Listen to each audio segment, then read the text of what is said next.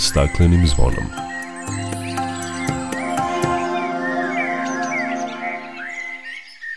Dobar dan i dobrodošli na Zeleni talas prvog programa radija Radio Televizije Vojvodine. Ja sam Dragana Ratković. Povodom Svetskog dana staništa koji se obeležava svakog prvog ponedeljka u oktobru, čućete zašto je važno očuvanje staništa, kako je ono regulisano našim i evropskim zakonodavstvom i šta sadrži nova uredba o ekološkoj mreži. Govorit ćemo i o istraživanju flore Vojvodine nekad i sad, o radu Botaničkog društva Andreja Svolni kao i o drugom simpozijumu Treći vek botanike u Vojvodini. Vlada Srbije donela je program upravljanja muljem do 2032. godine. Govorit ćemo o javnim politikama u oblasti upravljanja otpadnim vodama i ostacima nakon prečišćavanja otpadnih voda. Biće reči o tome kakav uticaj na vodeni ekosistem imaju alohtone vrste i koliko su one invazivne. O svemu više nakon postravne pesme. Dok priroda kraj nas plače za vladarskim svojim tronom. Tužno vele narikače pod staklenim smo zvonom. Znaj vazduha više nema sve manje je i ozona. Protiv sebe ide čovek i to često bez pardona uništenju živog sveta Kao da su ljudi skloni Čovek sam je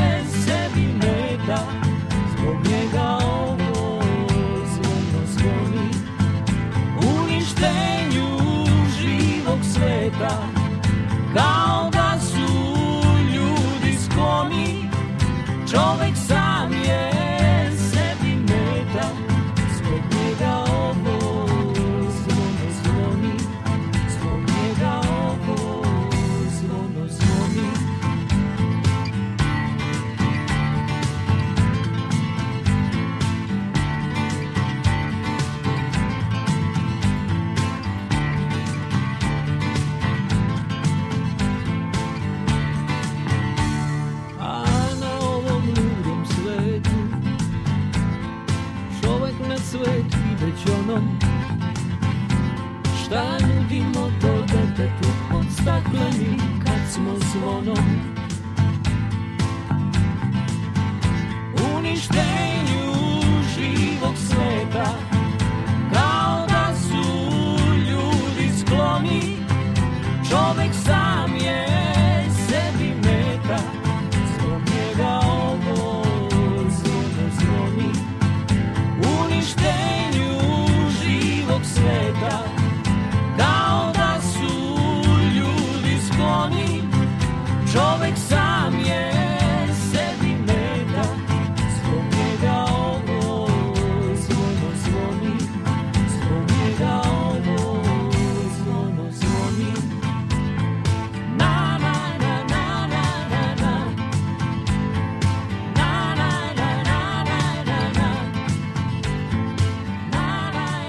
Svetski dan staništa se obeležava svakog prvog ponedeljka u oktobru.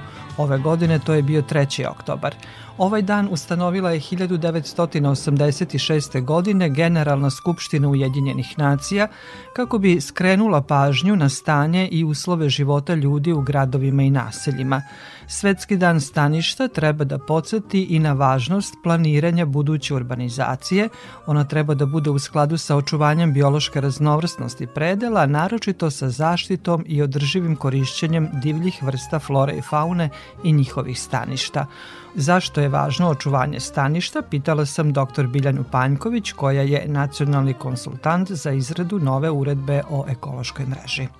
Svetski dan staništa je od velikog značaja za podizanje svesti javnosti u oblasti planiranja, urbanizacije, radi očuvanja biološke raznovrsnosti, prvenstveno se misli na predeo, a naročito zašto održivog korišćenja divljih vrsta i njihovih staništa, odnosno tipova staništa. Krenulo se od ideje da se osvrnemo na stanje u našim gradovima i na osnovno pravo ljudi na adekvatno stanište. To znači da urbanizacija i planiranje trebaju biti zasnovani na osnovnim načelima očuvanja biodiverziteta.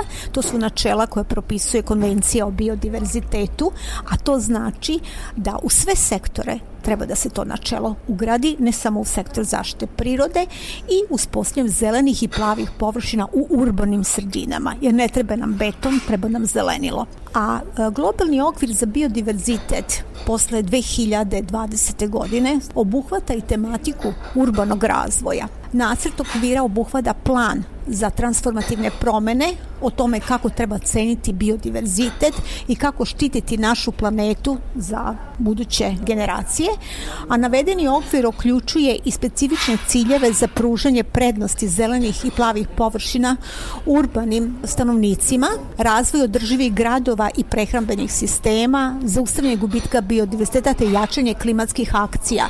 Iz toga razloga tematika urbanog razvoja, njegovog uticaja na čoveka biodiverzitet je i problematika na kojoj je neophodno raditi da bi se obezbedilo sigurno stanište, mesto stanovanja i sklonište svim građanima širom sveta.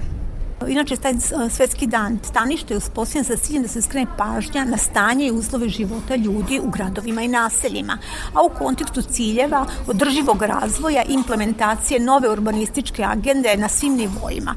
Mnoge zemlje obeležavaju ovaj dan i implementiraju različite aktivnosti iđići probleme upravo te uh, rapidne urbanizacije, neodržive urbanizacije i njenog uticaja na siromaštvo. Jer sve to ima za posledicu i siromaštvo u gradovima odnosno i siromaštvo ne samo ljudi, nego i siromaštvo biodiverziteta. Pored navedenog, bitno istaknuti povezanost nejednakosti i gubitka biodiverziteta, jer biodiverzitet nam pruža osnovne usluge za opstanak poput hrane, vazduha, to su ekosistemske usluge i vrlo je važno da se i o, o urbanizmu raspravlja s aspekta očuvanja biodiverziteta.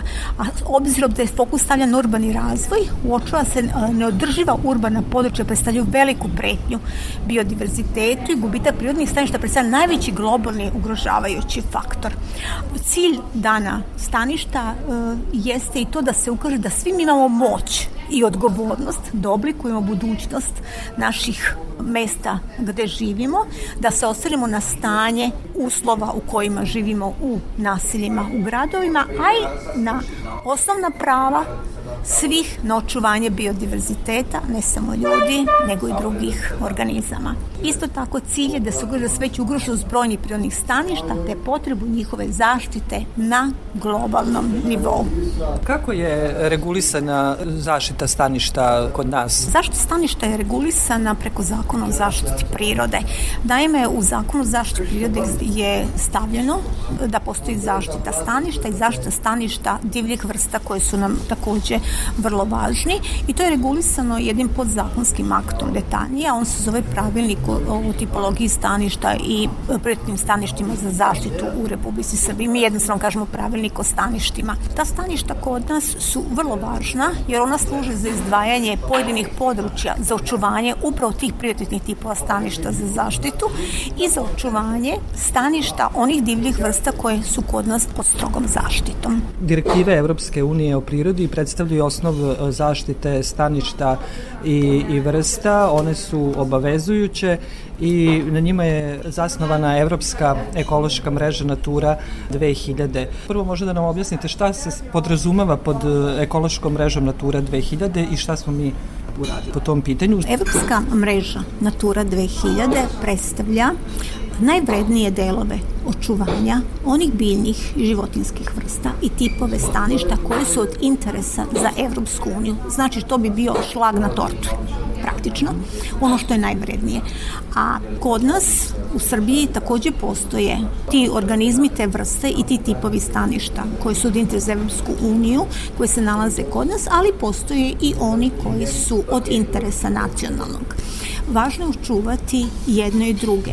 A Natura 2000 nam pruža mogućnost da, da se uključimo u zaštitu očuvanja ekološke mreže Natura 2000 na jedan način da naša područja ekološke mreže postanu deo evropske te ekološke mreže. To znači da bilo kakva promena u jednom delu ekološke mreže ima uticaj na celu funkcionalnost ekološke mreže. Znači, ta ekološka mreža u stvari predstavlja objedinjenu zaštitu najvrednijih delova zaštite biodiverziteta koji se odnosi na stanište i na vrsta. Jer kod nature imate referentne liste tipova staništa, znači takno spisak po direktivi o staništima, to su spiskovi 1 i 2 i imate i vrste koje su važne i imate direktivu o pticama, staništa koje su važna za očuvanje ptica. Ovo što je se tiče područja važno za očuvanje ptica, ona ne mora ići na Evropsku komisiju, nego i država sama proglašava, dok se područja koje su značajne za očuvanje tipova staništa vrste vrsta. Oni idu u pregovarački postupak sa Evropskom komisijom, to su takozvani biogeografski seminari i onda se Evropska komisija kada odobri, praktično naša natura postaje važeća.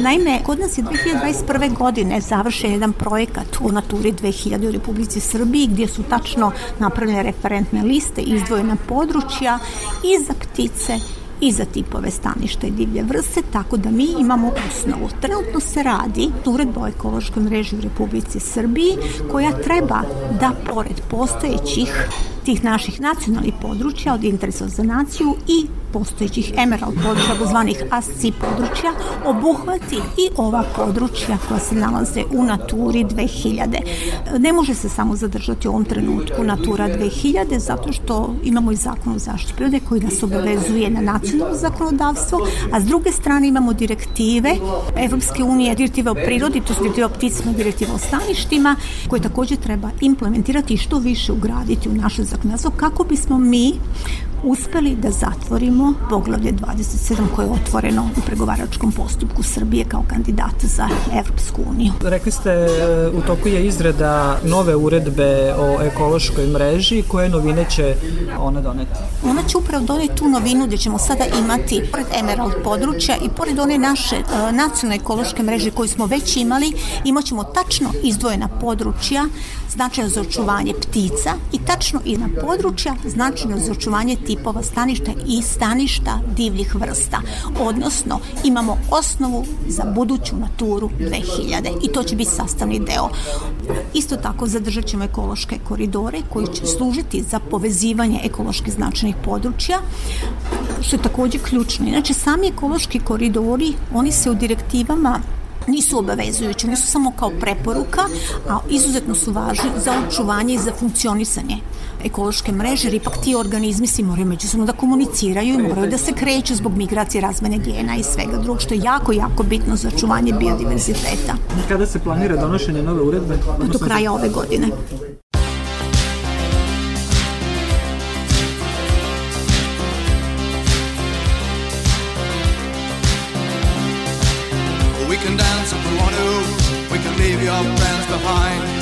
Cause your friends don't dance, and if they don't dance, well, they're no friends of mine.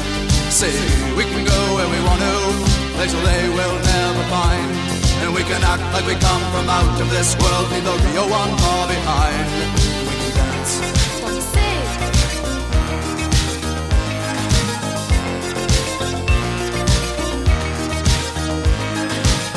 We can go if we want to, night is young and so am I. And we can dress real neat from our hearts to our feet and surprise them with a victory cry. Say, we can act if we want to, if we don't, nobody will. And you can act real rude and totally removed, and I can act like an imbecile. I say, we can dance, we can dance, everything's out of control. We can dance, we can dance, we're doing it from pole to pole. We can dance, we can dance, everybody look at your hands. We can dance, can dance. Everybody's taking the chance. Safe to dance. Oh, well, it's safe to dance. Yes, it's safe to dance.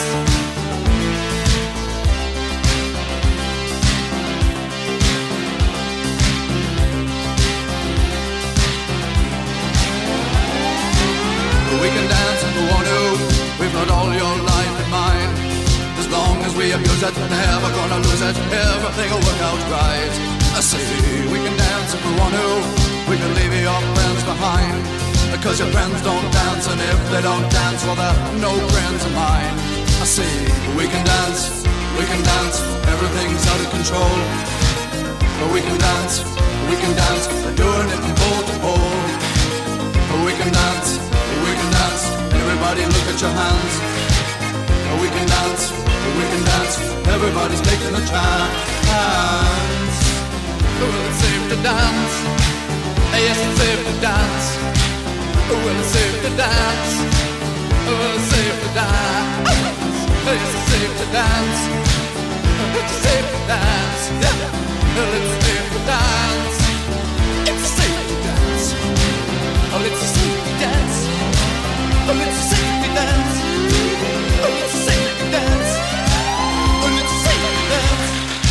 Slušate emisiju pod staklenim zvonom. Od 18. veka na području Vojvodine postoje pisani zapisi o sistematskom radu na proučavanju flore. Prve aktivnosti vezane su za kolekcionarstvo, izradu herbarskih zbirki i sakupljanje informacija o upotrebnoj vrednosti biljaka. Ta saznanja su u istraživanjima korišćena kao prvi podaci o diverzitetu i distribuciji pojedinih taksona. Pre dva dana održan je drugi simpozijum Treći vek botanika u Vojvodini koji su organizovali Matica Srpska i Botaničko društvo Andreja Svolni u saradnji sa Medicinskim i Prirodno-matematičkim fakultetom Univerziteta u Novom Sadu. Skup je bio posvećen profesorki na Medicinskom fakultetu Biljani Božin, koja je bila i jedan od osnivača Botaničkog društva Andreja Svolni. O istraživanju flore Vojvodine razgovarala sam sa direktorom Departmana za biologiju i ekologiju Prirodno-matematičkog fakulteta Goranom Anačkovim.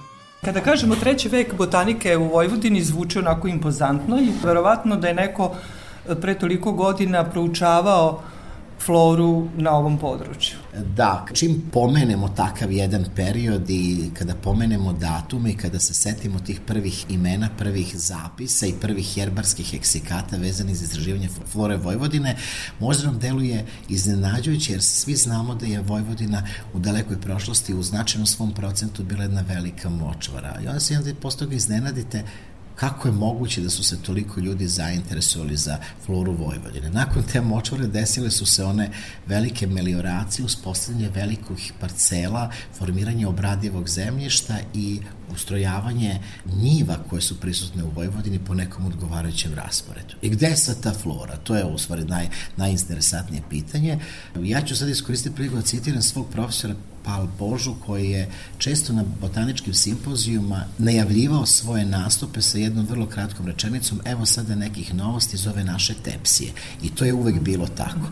Dakle, sva ta tri veka uvek su postojale neke novosti, neke novine, a prvenstveno za to je odgovorna botanička grupa na Departmanu za biologiju i ekologiju, naše kolege iz Zavod za Pokrenskog zavoda za zaštitu prirode Vojvodine, koji su konstantno na terenima, istražuju te prostore i donose nove informacije. Sa ove distance, kada gledamo kakva je bila flora po tim nekim prvim zapisima, da li se u mnogome razlikuje od današnje i da i ne.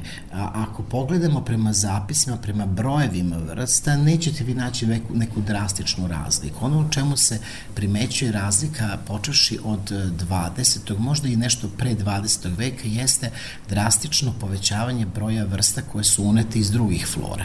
To je naravno, za to je naravno kriva komunikacija, razmena materijala semenskog sa različitih područja, unošenje vrsta za potrebe hortikulture, ponekad je bilo čak i za pošumljavanje, tako da su se e, te vrste koje su se ranije u tim prvim zapisima vodile kao vrste koje obogaćuju floru Vojvodine time što povećavaju broj vrsta. Nažalost, danas nisu baš u tom, u tom rangu, mi ih danas smatramo i one su uglavnom danas invazivne vrste. Da li je to ugrozilo postojeću floru? Apsolutno. Indeks florogeneze to je jedna mera koja se izračunava za područje koje floristički istražujete. Za Vojvodinu je već odavno u minusu, što znači da je Vojvod, flora Vojvodine, e, kako je sada je vidimo, daleko od one iskonske flore, daleko od jedne šumostepske flore koja je, e, koja je prva, koja je osnovna flora, ali u, okolini velikih gradova i duž velikih saobraćenica taj procenat je još, još, još izraženiji. Stalno govorimo i pomenjamo tu informaciju da je Srbija jedan od šest centara biodiverziteta u Evropi.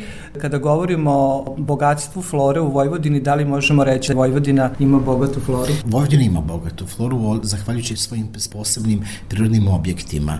I to je ono što Vojvodinu kao južni deo Panonske nizije, a i deo Srbije, sada kako posmatrate, ističe na neki način. To su prvenstveno naše dve planine, dve velike peščare, posebni lokaliteti vezani za zaslanjena staništa, ritski kompleksi, barski kompleksi i to je ono što je uglavnom u Vojvodini stavljeno pod zaštitu. To su glavna mesta na kojima se izražava bogatstvo vojvođanske flore. Već treći vek se istražuje flora u Vojvodini. Koliko su u stvari ona značajna za istraživanja danas? Od posebnog značaja u različitim aspektima. Danas su sve više favorizuju istraživanja koja su vezane za takozvane ekosistemske usluge, za cirkularnu ekonomiju, dekarbonizaciju i klimatske promene. U svakom od ovih modernih segmenata istraživanje flore predstavljaju bazična istraživanja. Sa druge strane, poseban, naglašeni moment jesu istraživanja bogatstva biodiverziteta i ekosistema generalno, koje predstavljaju takođe jedan od stubova zelene agende za Srbiju i e, jednostavno bez njih ne možemo da nastavimo ni jedna druga istraživanja. Bez tih spiskova, bez tih baza podataka, bez izdvojenih e, vrsta od posebnog značaja koje se nalaze na našim staništima i slično.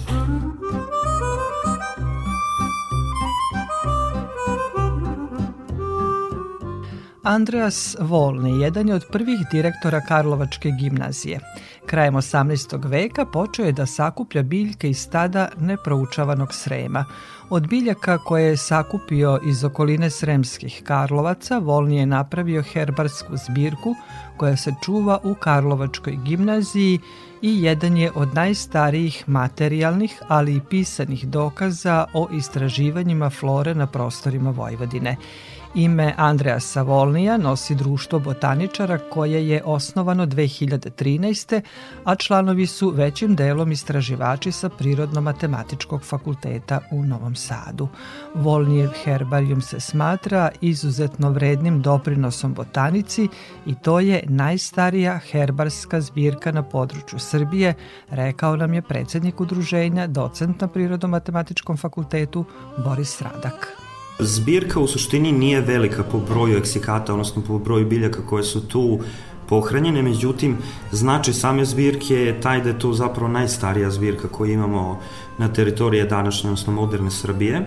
Pored te same starosti, veliki značaj zbirke jeste što se u njoj nalaze neke od biljaka koje su nestale umeđu vremenu na području Vojvodine, pa samim tim i Srbije. Do osnovu podataka koji se nalaze u tom herbaru možemo da provežemo prošlost sa sadašnjošću i naravno da se bavimo nekim budućim istraživanjima koji se odnose bilo na prognoze šta će se dešavati sa florom, odnosno vegetacijom u Srbiji, sa klimatskim promenama i slično. Tako da bez obzira na sam broj eksikata koji se nalazi u zbirci, njen značaj je nemerljiv.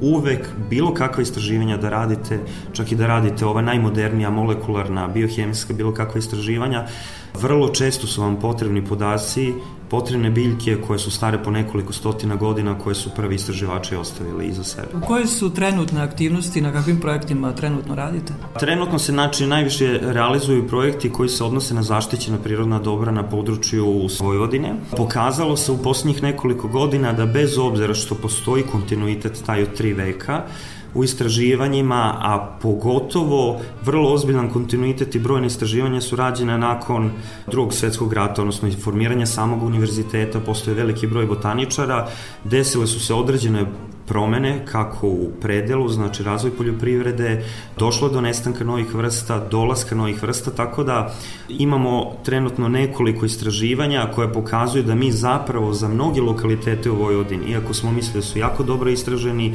mnogo toga ne znamo.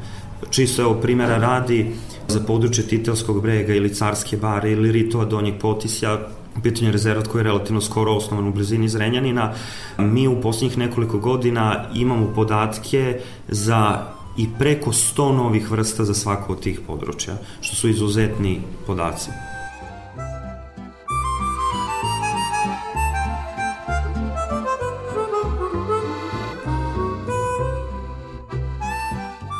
Zahvaljujući botaničkoj grupi na Departmanu za biologiju i ekologiju, stručnjacima iz Pokrinjskog zavoda za zaštitu prirode koji su stalno na terenima, imamo uvek neke nove informacije u vezi sa florom Vojvodine. Najnovija istraživanja na polju botanike predstavljena su na drugom simpozijumu Treći vek botanike u Vojvodini. O održavanju simpozijuma za našu emisiju govori Bojana Bokić, sekretar Botaničkog društva Andreja Svolni. Prvi je bio 2016. u aprilu i neki probitni plan jeste da bude 2020. Međutim, usled te pandemije nismo to uspeli da realizujemo, nismo želeli da to ide u onom nekom kao online ili hibridnom modelu. Tako da se sada negde javila želja kako iz Matice Srpske, tako i iz našeg društva da ga organizujemo ponovo po drugi put. A recite kakva iskustva su, koliko je to značajno za razvoj e, botanike u Vojvodini? Pa smatramo da je izuzetno značajno, posebno za mlade ljude koji su negde na svom početku bavljenja botanikom onako u nekom manjem, da kažem, krugu koji je vrlo blagonaklon ka njima, mogu da, da se predstave, da, da, se, da ih upoznamo i da kažu šta imaju i možda da dobiju dobre komentare u kom pravcu dalje treba da idu.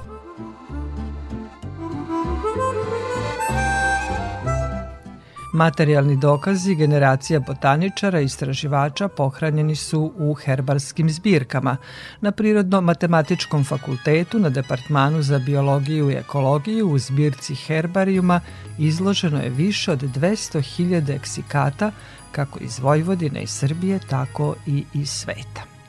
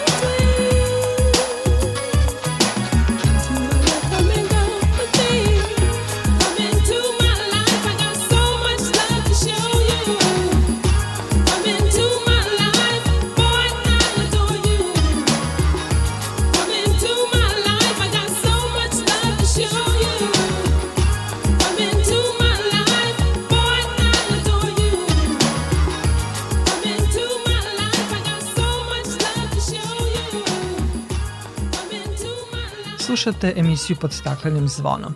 Program upravljanja muljem u Republici Srbiji za period do 2032. godine usvojen je na sednici vlade. Ovakav planski dokument usvojen je prvi put kod nas, a njegov cilj jeste uspostavljanje bezbednog, održivog i isplativog sistema upravljanja muljem iz postrojenja za prečišćavanje komunalnih otpadnih voda. Prema ovom dokumentu, rešavanje pitanja upravljanja muljem biće u skladu sa principima cirkularne ekonomije kao i sa regulativom Evropske unije, a cilj je da se u dužem vremenskom periodu osigura korišćenje mulja kao resursa. Pristup primenjen u programu koji je pripremilo Ministarstvo zaštite životne sredine ogleda se u formulisanju kratkoročnih i dugoročnih opcija koje će doprineti rešavanju pitanja postupanja sa muljem koji nastaje u procesu prečišćavanja otpadnih voda. Trenutno kod nas se sediment uglavnom izmuljuje i odlaže uz obalu, a u nekim slučajevima u određene kasete, deponije, dok se u svetu u upravljanju izmuljenim sedimentom koristi cirkularni pristup, jer se njegovom preradom može upotrebiti u građevinarstvu i poljoprivredi. Primera radi, u Velikom Bačkom kanalu godišnje se stvori oko 600.000 metara kubnih mulja, nivo vode je nizak i upotreba hidrosistema je ugrožena. Sediment je zagađen i on se kvalifikuje kao otpad, no ni to nije problem, jer postoje tehnologije za prečišćavanje sedimenta i on se može ponovo koristiti, kažu naučnici sa Departmana za hemiju, biohemiju i zaštitu životne sredine, koji rade istraživanja na tu temu i očekuju da će cirkularni pristup upravljanja otpadom biti primenjen i kod nas. O javnim politikama u oblasti upravljanja vodama razgovarala sam sa Milenom Bečelić-Tomin sa Prirodno-matematičkog fakulteta u Novom Sadu. Životna sredina je izložena raznim rizicima svakodnevno i važno je da donosimo neke politike yes. ovaj, u oblasti zaštite životne sredine. U tom kontekstu na čega se odnosi nacionalna strategija i programi za upravljanje otpadnim tokovima? To su zapravo strategije i programi koji su usvojeni od 2020. godine do danas i to su strategije koje se odnose i na otpadne tokove, dakle mislim i na otpad, ali na otpadne vode i na ostatke nakon prečišćavanja prečišćavanja otpadnih voda, mi ih nazivamo muljeve, jel? To su zapravo sektorske strategije iz različitih sektora koje su važne i integracija zapravo sektora u upravljanju životnom sredinom je od velikog značaja. Integracijom različitih sektora i integracijom različitih sektorskih politika se zapravo dobija jedan novi prostor za efikasnije i sveobuhvatnije delovanje, obzirom da je životna sredina dosta složena kao takva sastavljena iz više medija, a sa druge strane, dakle, integrisanjem različitih sektora i nadležnih institucija se zapravo i smanjuje taj prostor za nečinjenje. Dakle, kod nas je još uvek, čini mi se, dosta krut taj sistem podeljenih nadležnosti po različitim ministarstvima e, i različitim ustanovama koje se bave upravljanjem otpadnim vodama i ostacima nakon prečišćavanja otpadnih voda i generalno vodama i to zapravo i jeste neko institucionalno uređenje i to je u redu u smislu da zaista sprovođenje mera treba da bude u nadležnosti određenih institucija, ali je to nedovoljno, nedovoljno čini mi se i efikasno i efektivno i to jeste i, i u toj strategiji održivog razvoja, dakle globalnoj strategiji, to je jedna od intencija. Dakle, povezivanje različitih sektora politika da bi zapravo imali taj neki veći pozitivniji utice u samom upravljanju životnom sredinom, u ovom slučaju upravljanju otpadnim vodama i muljevima. Novije strategije strategije koje sam napomenula da su se usvojile proteklih nekoliko godina je e, strategija niskougljeničnog razvoja naše zemlje koja je napravljena za neki period naredne dve decenije sa projekcijama do 2050. godine. Tu se otpadne vode prepoznaju u smislu uticaja neprečišćenih otpadnih voda na emisiju gasova staklene bašte. To je vrlo važno i negde je procenjeno da negde oko 60% da emisija ovih gasova potiče od neadekvatnog odlaganja otpada, a negde oko 40% potiče zapravo od neprečišćenih otpadnih voda. Naša zemlja je ratifikovala ratifikovala, odnosno donela zakon kojim ratifikovala Parijski sporazum, tako da je to negde i neka međunarodna obaveza naše zemlje prema tim ciljevima Evropskog parijskog dogovora. Pored toga, tu e, smatram da je vrlo važan program cirkularne ekonomije, gde se otpadne vode, sad se tu menja malo ta paradigma, jel, ne posmatraju se samo kao otpadni tokovi, nego kao moguće resursne baze. Dakle, i otpadne vode i sami muljevi i ono što je činjenica zapravo da se u ovoj godini da ćemo se sigurno naredne decenije susresti sa mnogim izazovima kada je u pitanju generalno način života, opstanak, geopolitičke situacije prosto nameće čini mi se borbu za resursima i dakle susrećemo se sa čitavim nizom problema iako se čini da se svet još nije oporavio od posledica pandemije jel, 2000. godine.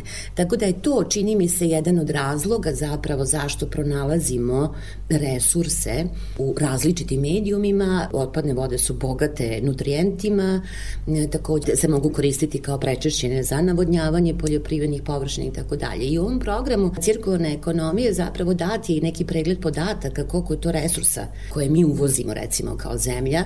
Dakle, procenjeno je negde oko 60 procenata džubriva uvozimo. Tu smo negde zavisni opet od te međunarodne trgovine. Takođe, skoro potpuno je uvoz zapravo sirovina za hemijsku industriju, to je dakle za industriju papira i kartona, za industriju stakla, kozmetičkih preparata i tako dalje. Svi ti potencijalni resursi su prepoznati i u muljevima, dakle, i u otpadnim vodama. Takođe, predlog upravljanja muljem u našoj zemlji u narednih 10 godina gde su uspostavljeni ti kratkoročni i srednjoročni ciljevi i dugoročni ciljevi, odnosno vizija naše zemlje. Dalje, ovo smatram takođe vrlo važnim, obzirom da imamo problem na već postojećim postrojenjima za sanacijom. Ove vrste još uvek se klasifikuje kao otpad, mada je on, kažem, bogat resurs i u smislu korišćenja u poljoprivredne svrhe, a i dobijanja energije, Pored toga takođe može da se nakon tretmana da se skladišti kao izvor fosfora. Fosfor je danas jel, sirovina koja je, je procenjena pod velikim rizikom. Tako da čini mi se i da je taj program vrlo važan i za operateru javnim komunalnim preduzećima koji upravljaju tom vrstom otpada jer se on čini se poprilično nekontrolisano odlaže, ali takođe važan program i nadalje jel, naš, nekoj našoj viziji primene cirkularne ekonomije u ovoj oblasti oblasti.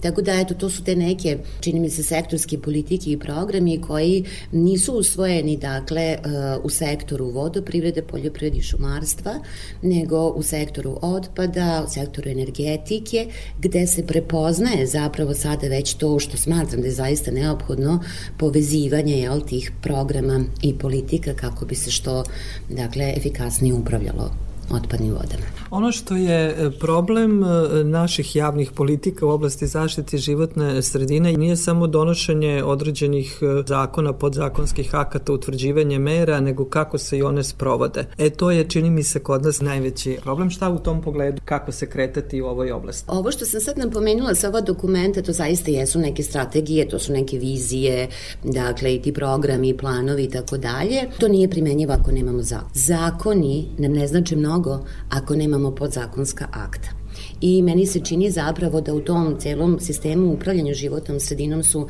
podzakonska akta nešto što je jako važno jer oni daju znači konkretna uputstva za jel, ovaj, e, zaštitu životne sredine na prvom mestu ili na kraju krajeva i za upravljanje resursima i resursi su deo ovaj, životne sredine. Ono što čini mi se nedostaje u našoj zemlji to je eventualno nedovoljna kontrola primene tih podzakonskih akata i to od strane na prvom mestu industrije Čini mi se da su ti kapaciteti naših institucija nedovoljni. Dakle, tu je potrebno zaista u velikoj meri ojačati date kapacitete ili zapravo primeniti eventualno neke druge savremene metode kontrole koje ne podrazumeva eventualno toko jel, ove angažovanje ljudskih resursa. Dakle, mislim da je to sada najveći problem. U našoj zemlji funkcioniše sistem koji funkcioniše i funkcionisa i u ostalim zemljama, takozvana komanda i kontrola. Dakle, ono što iskomandujemo u zakonu i podzakonskim aktima, kontrolišemo da li se to e, poštuje. Ali rezultata nemamo nekih Tako je, i čini rezultata. mi se da ta kontrola nadalje je taj deo znači, gde bi trebali zapravo malo da poradimo više na, na svemu tome. Drugo, mislim da se u našoj zemlji još uvek taj sociološki aspekt u, u velikoj meri uzima u obzir i u industrijskom sektoru i generalno, dakle, kod ostalih privrednih subjekata i taj sociološki aspekt vas malo sprečava zapravo da negde sprovedete te mehanizme do kraja, pa čak i onako kako je dato u, u našim zakonima. Mislim na kaznene mere i na prekrše i tako dalje.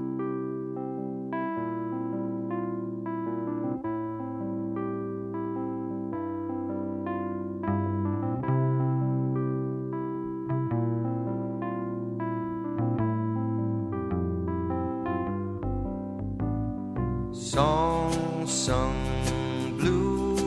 everybody knows one. Song sung blue, every garden grows one. Me and you are subject to the blues now and then. But when you take the blues and make a song, you sing them out again.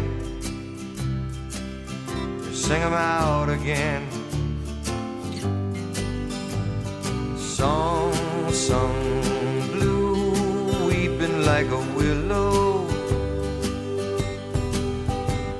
Song sung blue, sleeping on my pillow. funny can sing it with a cry in your voice. And before you know it, get to feeling good. You simply got no choice.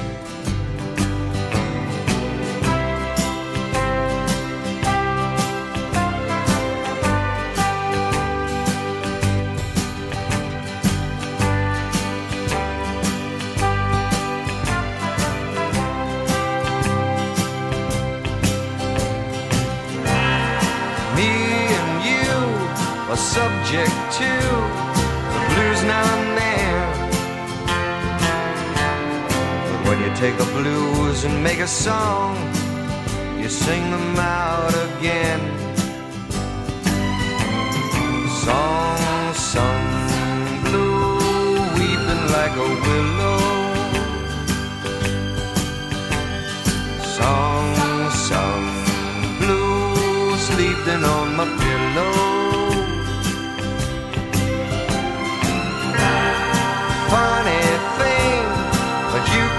Sing it with a cry in your voice. And before you know it, start feeling good. You simply got no choice.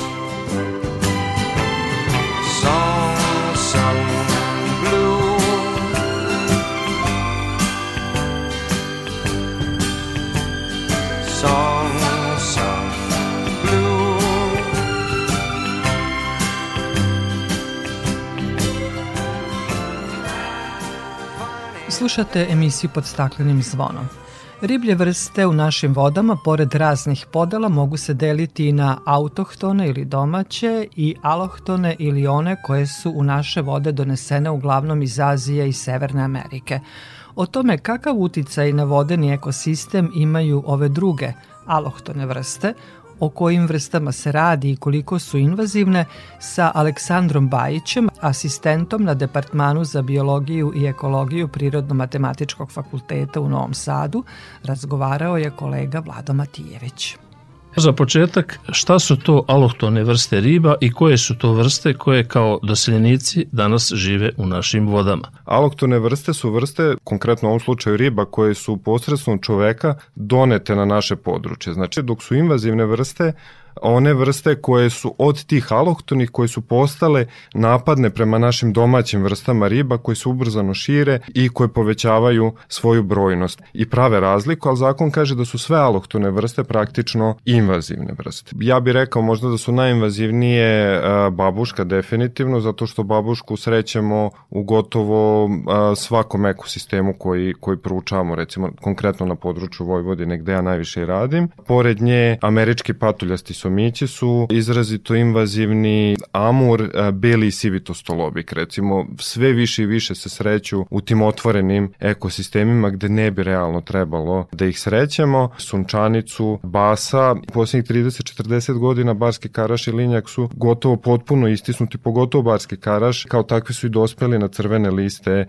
ugroženih vrsta. A sa druge strane imate američke patuljaste somiće koji aktivno vode brigu o svom potomstvu što većina naših vrsta riba ne radi i hrane se ikrom drugih vrsta riba, amur biljojed, što nijedna od naših vrsta riba nisu. Proširio se zato što naravno imamo dosta tih ekosistema gde imamo te akvatične vegetacije potrebne za mrest, biljke gde naše vrste riba će da pronađu i hranu. E sad ako vam kažem da većina ugroženih vrsta riba koje se sreću recimo u našim nizijskim područjima su fitofili. Biljke su im veoma bitne za jedan najbitniji proces, da kažemo, njihovog životnog ciklusa, to je za razmnožavanje. Znači šaran, linjak, barski karaš, mnoge druge ugrožene vrste riba, danas ugrožene, polažu svoja jajašca na biljke i sad vi imate jednu takvu invazivnu vrstu koja znači nije direktan predator, ne konkuriše za hranu jer se hrani biljkama, a ne bi me čudilo čak da pojede tu akvatičnu vegetaciju na kojoj već ima, da kažemo, položena ikra. Kakve koristi, a kakve štete imamo od pojedinih alohtonih, odnosno uvezenih vrsta riba? Što se tiče koristi,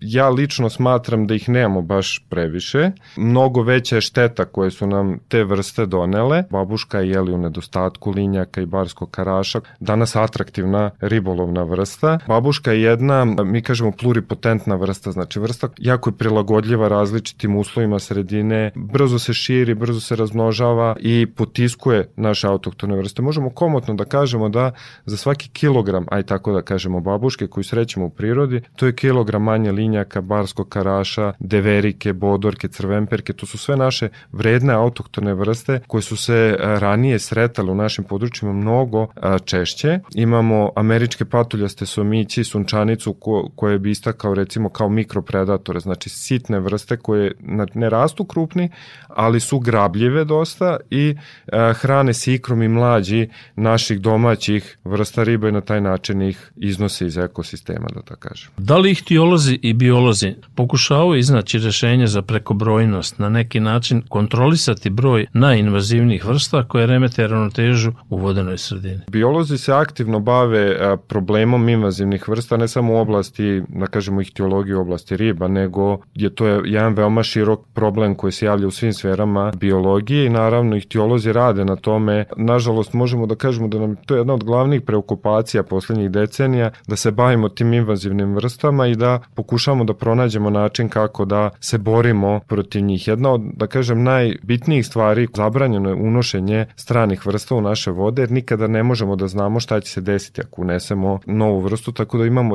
sad već jedan, da kažemo, duži period gde se nije pojavljivalo novih vrsta. Većina rešenja se zastiva na aktivnoj borbi, da kažemo, protiv tih aloktonih vrsta, odnosno na aktivnom izlovu zato se često organizuju sanacioni izlovi, najčešće uz pomoć ribara, znači sa mrežama mogu ciljano da se love tostolobik, amur, babuška na kraju krajeva. Američki patuljasti somići mogu da se love uz pomoć jednog sistema sa kavezima, sa klopkama, gde vi veoma lako možete proverite te kavezi da razvojite, što bismo rekli, žito od kukolja. Znam da se radi na polju genetike kako bi se, da kažemo, na neki način te vrste efikasno sterilisale, kako ne bi mogle da se razmnožavaju u prirodi, ali tu su pomaci još uvek veoma spori i ne nazire se, da tako kažemo, neko rešenje. E, iskoristio bi možda ovu priliku da uputim jedan apel i ribolovcima. Jeste to u zakonu i definisano, ali bih uputio apel da ne koriste aloktone vrste riba, recimo kao mamke za lov grabljivica, da ih ne prenose da, da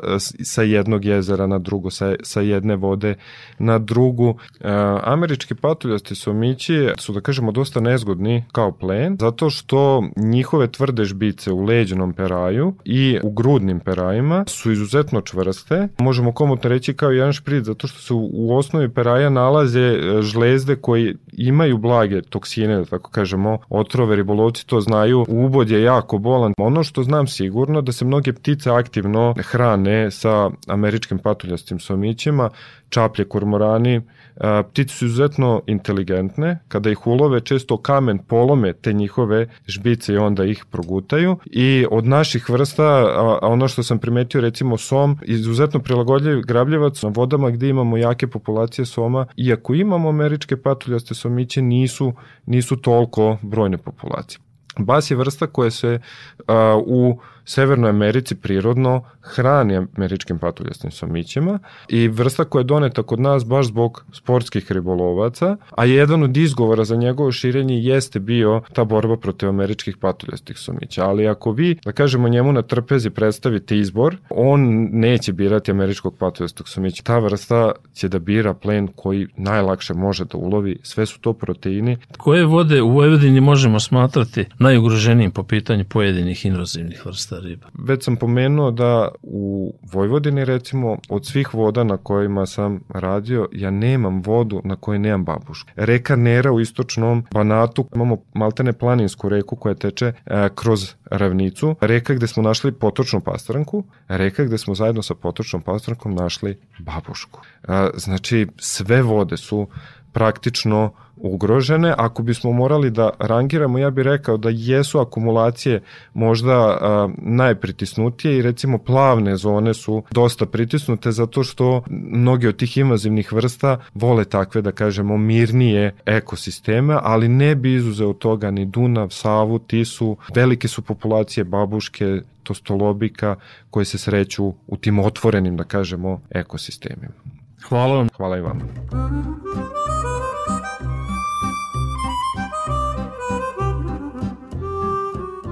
Toliko u ovom izdanju emisije pod staklenim zvonom koju možete slušati i odloženo na podcastu Radio Televizije Vojvodine na adresi rtv.rs. Emisiju realizovali Sabina Nedić, Maja Tomas i Dragana Ratković. Naredni susret zakazujemo za sedam dana u isto vreme na Zelenom talasu prvog programa radija Radio Televizije Vojvodine.